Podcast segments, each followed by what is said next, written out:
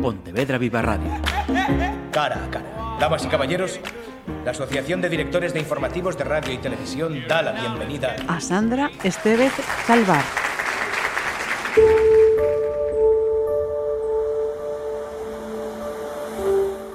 A un segundo de rendirme. Sentada sobre la arena, arropada por el aroma a sal y mar y el murmullo que producían las olas al romper, Lucía recordaba aquellas agradables charlas con los niños de los colegios de su pueblo. Sus miradas inocentes y llenas de preguntas la embargaban de emoción y a la vez le hacían sentir orgullo y respeto por su trabajo. Niños cuyos abuelos y en algunos casos incluso los padres, en algún momento de sus vidas y por las razones que fuesen, se habían codeado con el mundo del narcotráfico. Una sonrisa muy tímida, casi inapreciable, se asomó a su rostro. ¿Qué les diría en ese momento de tenerlos delante? Se acordó de Eva, su pequeña de mirada dulce, y sintió la cabeza demasiado pesada y el corazón que se le partía en mil pedazos. A los niños no se les puede mentir por lo que tendría que decirles que sí. Ahora sí había sido partícipe en un asesinato en el que se había utilizado una pistola para matar a alguien, para sacarle la vida a un individuo que en su momento y de forma vil y despiadada había arrancado de su lado a las dos personas que más quería. Y sí, al igual que con los otros, lo había hecho sin remordimientos, sin pena, sin dolor por él ni por sus familias. ¿Quién se apenaba de su propio dolor, de su pérdida, de todo lo que había pasado hasta ese momento? Ninguna madre debería experimentar el dolor de perder a un hijo, de tener que dar sepultura a una criatura inocente de cinco años junto a su padre. Echaban falta los ruidos en casa, las risas, los llantos, los juguetes de la niña repartidos por todos los habitáculos de su hogar, las conversaciones sobre lo típico en el almuerzo o en la cena, los juegos a media tarde. Echaba de menos su voz, cuando regresaba del trabajo, al recogerla en el colegio, en las actividades extraescolares, sus gritos en el parque, al bajar por el tobogán o los domingos, cuando se metía en cama con ellos y no paraba de comentarles que de mayor quería ser policía y princesa a la vez. Todos esos recuerdos, tan personales, eran muy dolorosos, pero no quería desprenderse de ellos. No quería olvidar el timbre de su vigorosa y cantarina voz. A Luis le había prometido que estarían siempre juntos, que nunca lo dejaría, y no había podido cumplir esa promesa. Ahora lamentaba no haberles dicho cuánto los amaba. Una ráfaga de viento frío abofeteó su cara y removió su pelo vagamente recogido en una coleta. Un sol mortecino hacía esfuerzos por hacerse ver entre las nubes. Se ajustó las gafas a la cara. Otra vez el invierno pedía paso. El cielo empezaba a cubrirse de nubes que presagiaban lluvia para los días siguientes. Desde jovencita había odiado esa estación porque anunciaba el final de la época estival, de las tardes de playa, de las noches de copas en las terrazas del pueblo con su grupo de amigos. Ese cielo cubierto con una manta gris le transmitía tristeza, frialdad. Qué ironía, pensó mientras jugueteaba con un puñado de arena fina entre las manos. La naturaleza iba al compás de su estado de ánimo. Sentía escalofríos, no solo en el cuerpo, sino en el alma, en el corazón, los mismos que había sentido el día que había dado sepultura a su hija y marido. ¿Cuánto tiempo hacía que no veía a Eva y Luis, que no sentía sus caricias, sus besos? Ojalá estuviese con ellos allá donde se encontraran, aunque estaba convencida de que algún día lo haría. Suspiró sin hacer demasiado esfuerzo. Desde la partida forzada de su familia y tras proponerse llegar al final del asunto para conseguir justicia, podía decir que, con la ayuda de su padre, había cumplido con su cometido. Esa gente no volvería a meterse con nadie. No harían sufrir a ninguna madre, a ninguna familia. Tras sus muertes, pensó que nada la retenía allí ni en ningún otro sitio. Nadie la esperaba, nadie la echaba de menos. Ahora, después de haber visto la cara de Víctor, su hijo, no pensaba lo mismo. Seguiría viviendo en Cambados, conviviendo con gente buena y otra que no lo era tanto. Gente que trabajaba dignamente y otra que se ganaba la vida vendiendo droga gente que tenía negocios para blanquear el dinero y otra que se esforzaba cada día por emprender, por hacer llegar sus servicios a más personas. Por mucho que quisiera, no podía luchar contra todos ellos, pues eran demasiados y con muchos recursos. Lo único que podía hacer era evitar coincidir con ellos y continuar con su vida. A partir de ese momento se concentraría en respirar, comer y beber simplemente para hacer feliz a su hijo. Introdujo las manos en los bolsillos de la chaqueta y encontró el reloj que meses atrás Luis le había regalado. Aquel recuerdo la hizo suspirar. Desde ese día comenzó a desconfiar que algo iba mal, que las cosas no eran como antes, que su marido había cambiado en definitiva. Su vida se torció, perdió a su familia y ella acabó siendo una asesina. Dejó escapar un hondo y sonoro suspiro. Luego aspiró el aroma del mar y contempló el movimiento de las olas al llegar a la orilla. Amaba el mar, el único lugar que le ayudaba a mitigar la agitación que seguía teniendo en su interior. Su pequeño, de apenas unos meses, le había devuelto la ilusión. No permitiría que nada ni nadie se inmiscuyese en su felicidad. La muerte, de alguna forma, es una herida en el corazón que nunca sana.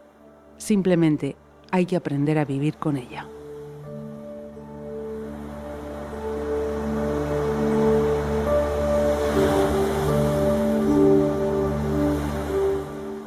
Sandra Estevez Calvar, muchísimas gracias. Muchísimas gracias a ti, Marisa. Encantada de estar aquí. Estoy delante de una autora muy prolífica, tengo que decir, y que luego vamos a ir descubriendo. Para comenzar, ¿en qué año publicabas tu primera novela, Sandra? Pues eh, la primera, creo, recordar que fue en el 2014. 2014. Sí.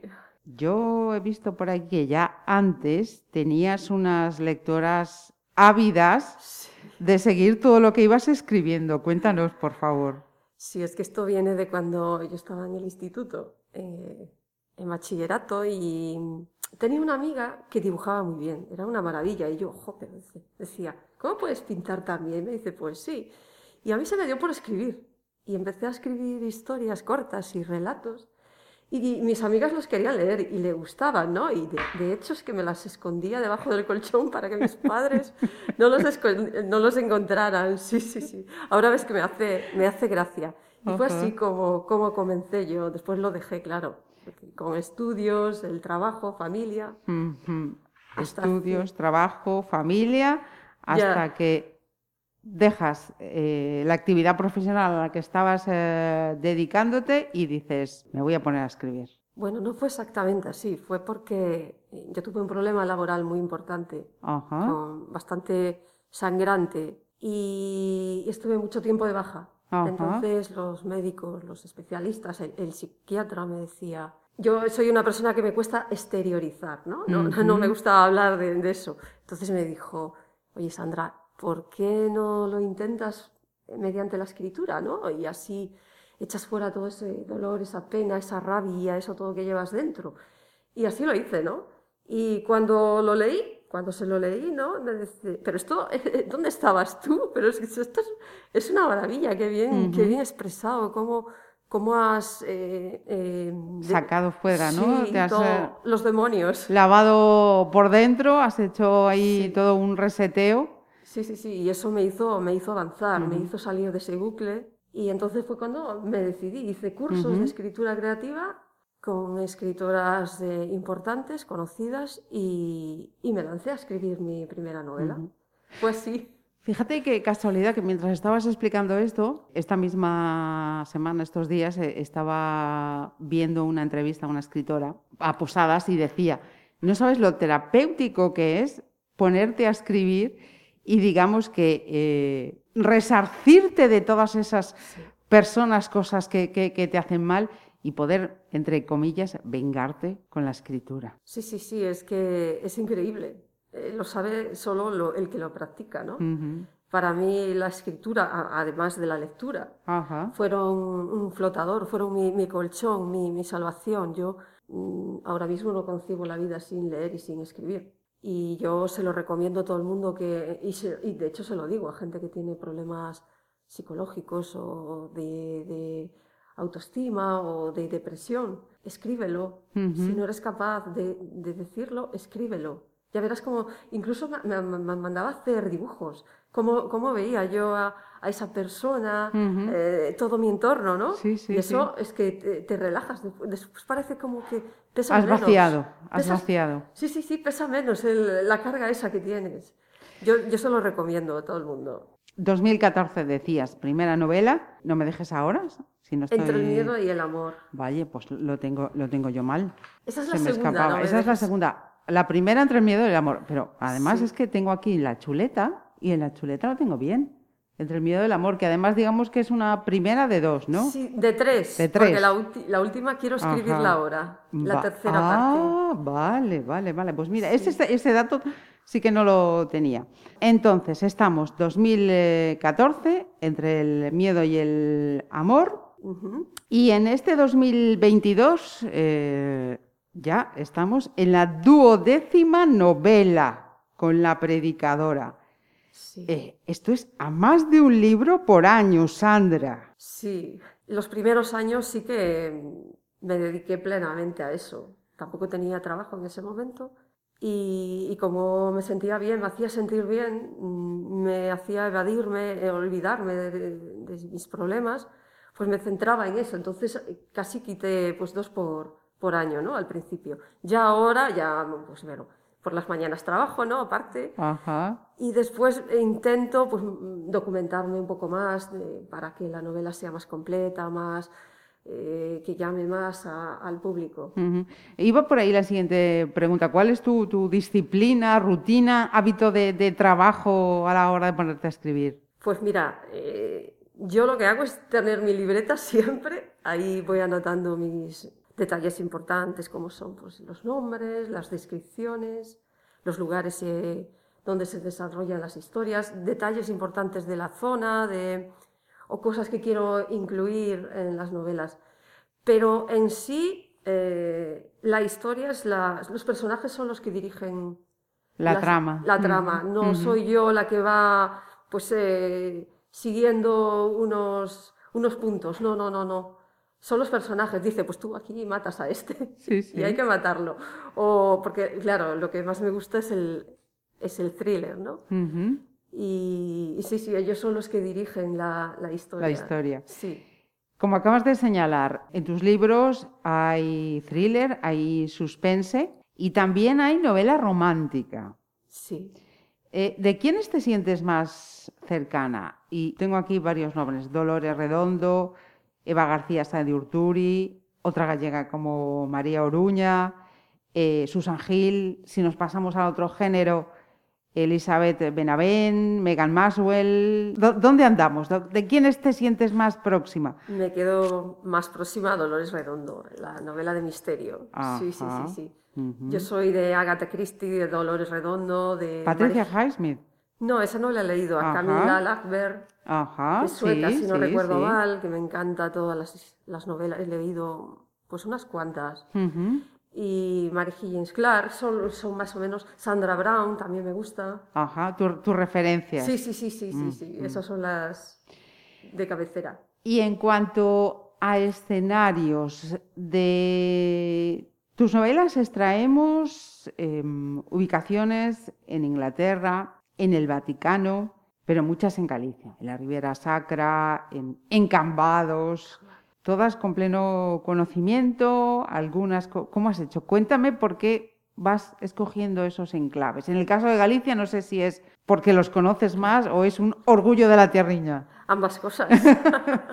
sí, sí, sí. Mira, yo, eh, no siendo en el Vaticano, que no he estado, y la que está ambientada en Inglaterra, el resto sí que, sí que he estado y me he empañado de, sus zonas, de recovecos, de lugares en los que creí que era importante ambientar las historias. También tengo una, en Desafíos del Destino, que es de aquí de Pontevedra, en el Pazo de Lourizán. Ajá. Y, la, y hay otra que está en los, en los acantilados de, de Loiva.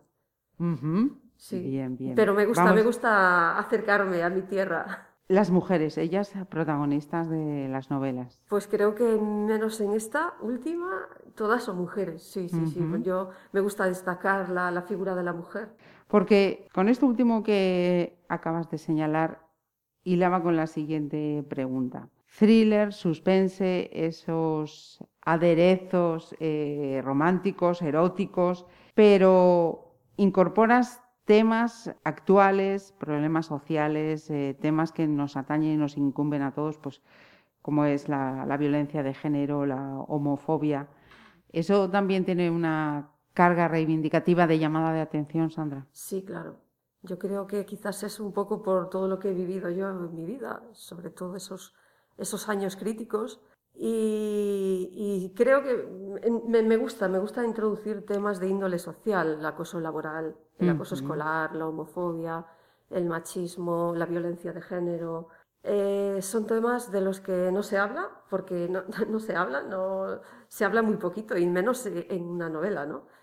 Y, yo eh, suelo introducirlos eso con una trama, con una historia de suspense y darle las pinceladas, bueno, pues de romance y de erotismo, porque creo que eh, hacen las historias un poco más amenas, más digestivas. Em, siempre intento mandar un mensaje al lector con, esas, con estas historias, ¿no? diciendo que pese a las adversidades, pese a todos estos problemas, estos, estos dolores que, y estas desgracias que hay, que siempre hay una salida, siempre hay alguien que intenta ayudarte, que está al otro lado y que, siempre hay luz al final del túnel, porque yo también la he visto. Quería detenerme además de, esas 12 novelas en dos en concreto.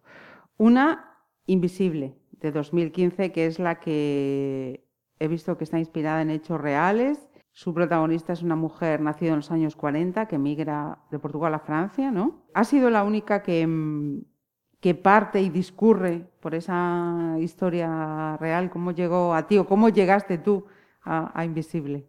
Sí, eh, esta señora que todavía vive es amiga de mis padres. Se conocieron en el hospital estando ingresados y a raíz de eso se hicieron muy amigos y ella me iba contando, ¿no?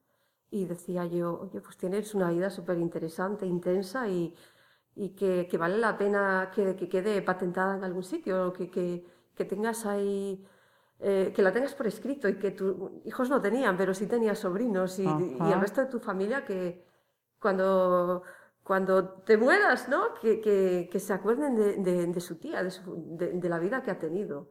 Es, eh, es impresionante porque esta mujer Empezó a trabajar a los seis años en Portugal, en un supermercado. Y con 16 era, estaba en Lisboa trabajando de criada. No le daban dinero, eh, la mujer no tenía para ropa, simplemente la alimentaban y le daban para comer.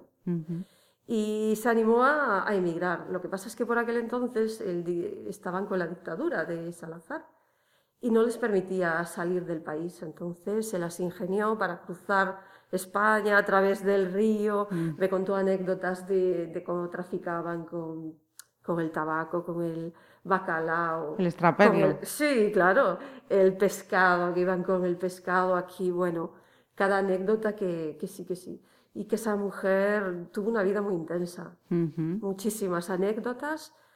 Y sí que es la única, es la única novela basada en, en hechos reales pero que se la recomiendo, sobre todo la gente ya un poco más mayor que le gusta leer estas cosas de antes, de cómo eran los abuelos. Y, A la gente más mayor, perdona que te interrumpa, Sandra, y a los más jóvenes que, que, sepan lo que han vivido generaciones anteriores, que no estaría nada de mal que lo supieran y, saber lo que es hacer frente a situaciones frustrantes, dificultades y... Sí, no tener ropa, andar descalzos, sin luz, eh, sin comida, eh, yendo en un tren, dos hermanas que no, no tenían ni... Decían, madre mía, los hombres las miraban porque imagínate... Y entonces... Claro, imagínate en esa, en esa época, ¿no? Sí, sí. Sí, sí. Y yo creo que es una historia que los niños que deberían conocerla, sí, claro. La otra novela por la que te quería preguntar también particularmente es la última, La predicadora de la que leo. Los monstruos y fantasmas sí existen y en algunos casos llevan sotana. Está ambientada en el Vaticano. ¿Nos das unas cuantas pinceladas más? Sí, claro, te digo. Es totalmente ficción, ya lo quiero dejar muy claro, no vaya a ser que, que mal. Mira, trata de unas chicas que, desaparecen, eh, jóvenes, son adolescentes de 15 años y que viendo que que la policía no se interesa, no se preocupa por saber dónde están, por buscarlas, pues las familias contratan a, un detective, a Mario Rossi, que años atrás también había perdido, bueno, había desaparecido su hermana. Y en ella reflejo, bueno, el, carácter, por ejemplo, de esa gente, de esa gente que, la, que, la, que las han secuestrado, la falta de escrúpulos, eh, la forma en que comercializan sus cuerpos, ¿no? Son, su, su afán por cada vez conseguir más dinero, por la avaricia, eh, la falta de empatía. También eh, el sufrimiento de esas chicas, porque se convierten de niñas a mujeres en, nada y sin quererlo. Se separan de sus familias, dejan sus, eh, sus, estudios, la música que tanto les gustaba. Y después el sufrimiento de esa familia que no sabe nada, que no saben si están vivas, si están muertas, si tienen comida, si dónde duermen, que... Sí, que es de ellas. ¿Qué pasa? Sus necesidades, claro, claro. Y por otro lado, pues destacó el afán y, el, y, el coraje de, por ejemplo, de, este del detective Mario Rossi, de su compañera, que pese a, las amenazas que sufren, siguen buscándolas, eh, luchan contra esa, esa lacra, por decirlo de alguna esas forma. Mafias. Sí, sí, sí. Están ahí. Eh, que, es, eh, que está muy relacionada con la Iglesia, en ese caso, y que mm, tras esos muros infranqueables, al final sí consiguen lo que quieren, pero bueno, sufriendo pérdidas personales incluso. Eh, ¿Os pica la curiosidad? Pues ya sabéis, a comprarla, la predicadora, que además Sandra estará encantada de que así lo hagáis. Te iba a decir, ¿en qué andas ahora? Pues si es que yo creo que ya me lo has dicho, ¿no? En esa tercera eh, novela que comenzaría con Entre el miedo y el amor. ¿Cómo va? Porque eh, a, la rapidez que llevas, mm, no sé yo si me vas a decir, ya para... Te llamo ya en unos meses. Oye, no, no, no, creo que no, porque Ahora mismo estoy plenamente inmersa en la promoción de esta última, entonces... Hay que dar una pausa. Sí, hay que parar también. Es necesario. es necesario, siempre, siempre, si no te saturas. Sin duda. Y entonces, no sé, quizás en unos meses me, me, ponga, más o menos ya tengo ideas de lo que quiero. El esqueleto. Sí, pero hay que ir desgranándola. Por cierto, eh, esta última, junto a las eh, dos anteriores, eh, veía que las publicas con otra editorial. Eh, ¿Ese cambio ha sido un, salto hacia arriba en tu trayectoria, Sandra? Pues espero que sí, y yo creo que sí. Lo, mejor es que de esta forma puedes llegar a mucha más gente, porque autopublicando en Amazon, como están mis diez anteriores, ¿no? Eh, solo llegas a público, a lectores de Amazon, o bueno, en las librerías de Porriño, por ejemplo, que sí, que dejo libros yo.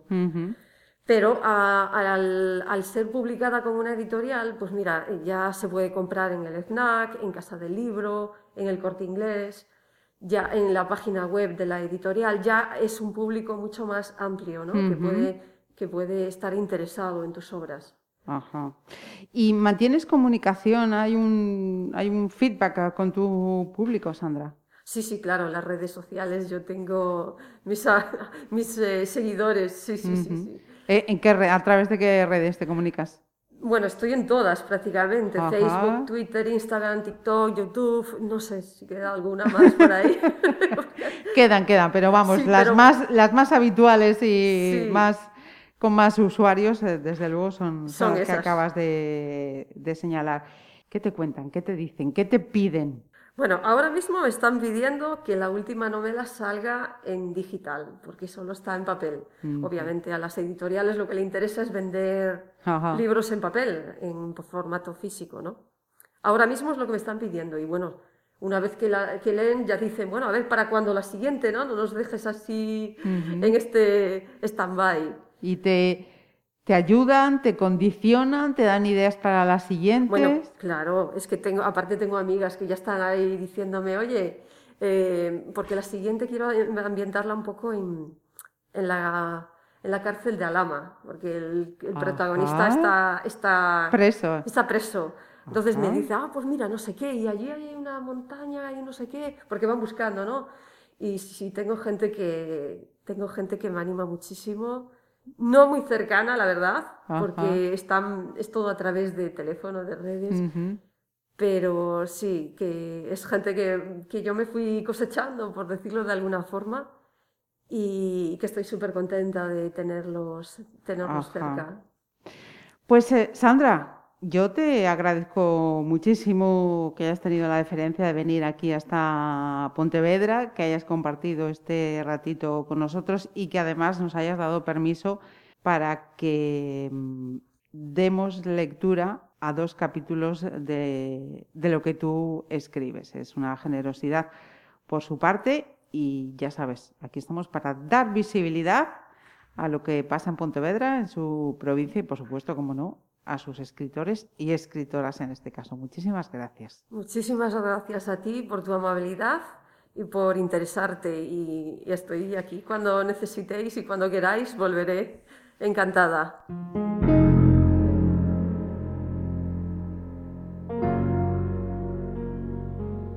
La predicadora. Se sentó sobre la cama observando algunas fotografías que hacía bastantes años su padre le había dado de cuando era una niña. En ellas se veía tan feliz, junto a su padre y la mujer que consideró su madre porque la crió. Las tenía guardadas en una pequeña caja de zapatos de color rosa. En el fondo, un sobre. Conocía su contenido, aunque hacía demasiado tiempo que no accedía a él, pero esa noche tenía la imperiosa necesidad de revolver en los lodos de su pasado. El compañero no le había podido dar más detalles sobre la mujer que había grabado en la casa. A excepción de él, en ningún momento facilitaron datos personales tales como nombres o apellidos. Nidia se consideraba una persona valiente, osada, pero en aquel momento volvía a sentir temblar su cuerpo. ¿Estaba preparada para descubrir la verdad? ¿Quería hacerlo pese a las consecuencias? Extrajo el sobre y del mismo cuatro fotografías más.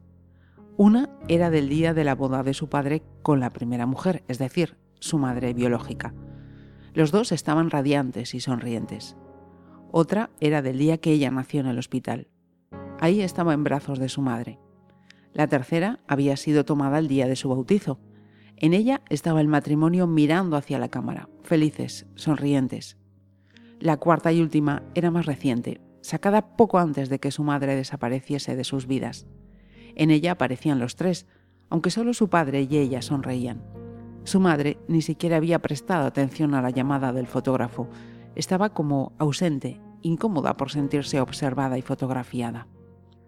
Colocó las cuatro fotografías sobre la cama. En todas se veía la dichosa marca. Cogió el ordenador portátil y buscó la aplicación que usaban para saber cómo envejecían las personas y saber cómo serían años después de su desaparición. Escaneó la última que tenía de su madre y en pocos minutos tenía delante el resultado, la simulación de cómo debería ser su madre en la actualidad. Buscó en el maletín la captura que le había pedido a su compañera. La aplicación le ofreció un descubrimiento aturdidor. Sin duda, se trataba de la misma persona. Se llevó las manos a la cabeza, sintiendo un aumento de las pulsaciones cardíacas. Tantos años esperando tener noticias de su progenitora y mira dónde la iba a encontrar de casualidad. Se miró en el espejo. La había echado tanto de menos.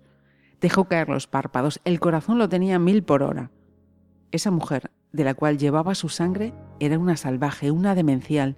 No tenía corazón ni sentimientos, ni siquiera una pizca de remordimientos de lo que hacía. A ella la había abandonado y no había pasado nada. Hacía unas cuantas horas había vendido a una chica a un traficante de armas mexicano un hombre tan despiadado como ella y tampoco había pasado nada. ¿Qué debía hacer ahora que sabía quién era su madre y dónde estaba escondida? Cogió las fotografías y las tiró al suelo con rabia y frustración. Su madre había sido capaz de abandonar a su propia hija. No le había importado si estaba bien o en qué tipo de persona se había convertido. Ni una llamada, ni una visita fugaz. Solo una última carta diciéndoles que estaba bien y que por fin había encontrado su camino. ¿Se refería a ese? ¿A vender seres humanos por un puñado de billetes? ¿A discriminar a las mujeres y comercializar con sus cuerpos? No, definitivamente esa no era su madre.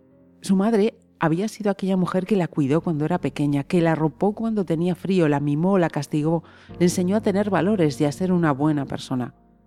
Madre no es la que pare, sino la que cría. Esa simplemente la había llevado nueve meses en el vientre.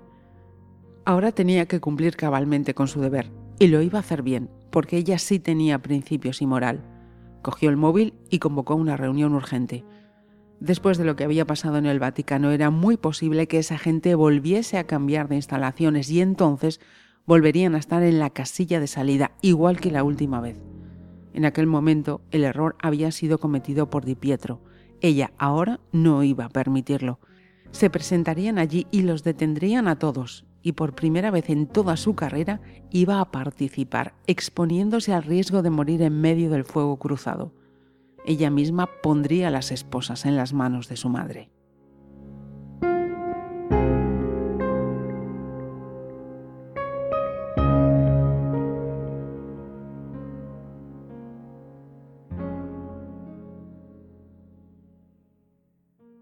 Pontevedra Viva Radio. ¿Me permiten que les haga un comentario como espectadores del programa Cara a Cara? Según un reciente sondeo de mercado, ustedes disponen de estudios e inteligencias superiores a la media. Sus intereses abarcan desde la actualidad mundial y la ciencia hasta el deporte y los espectáculos.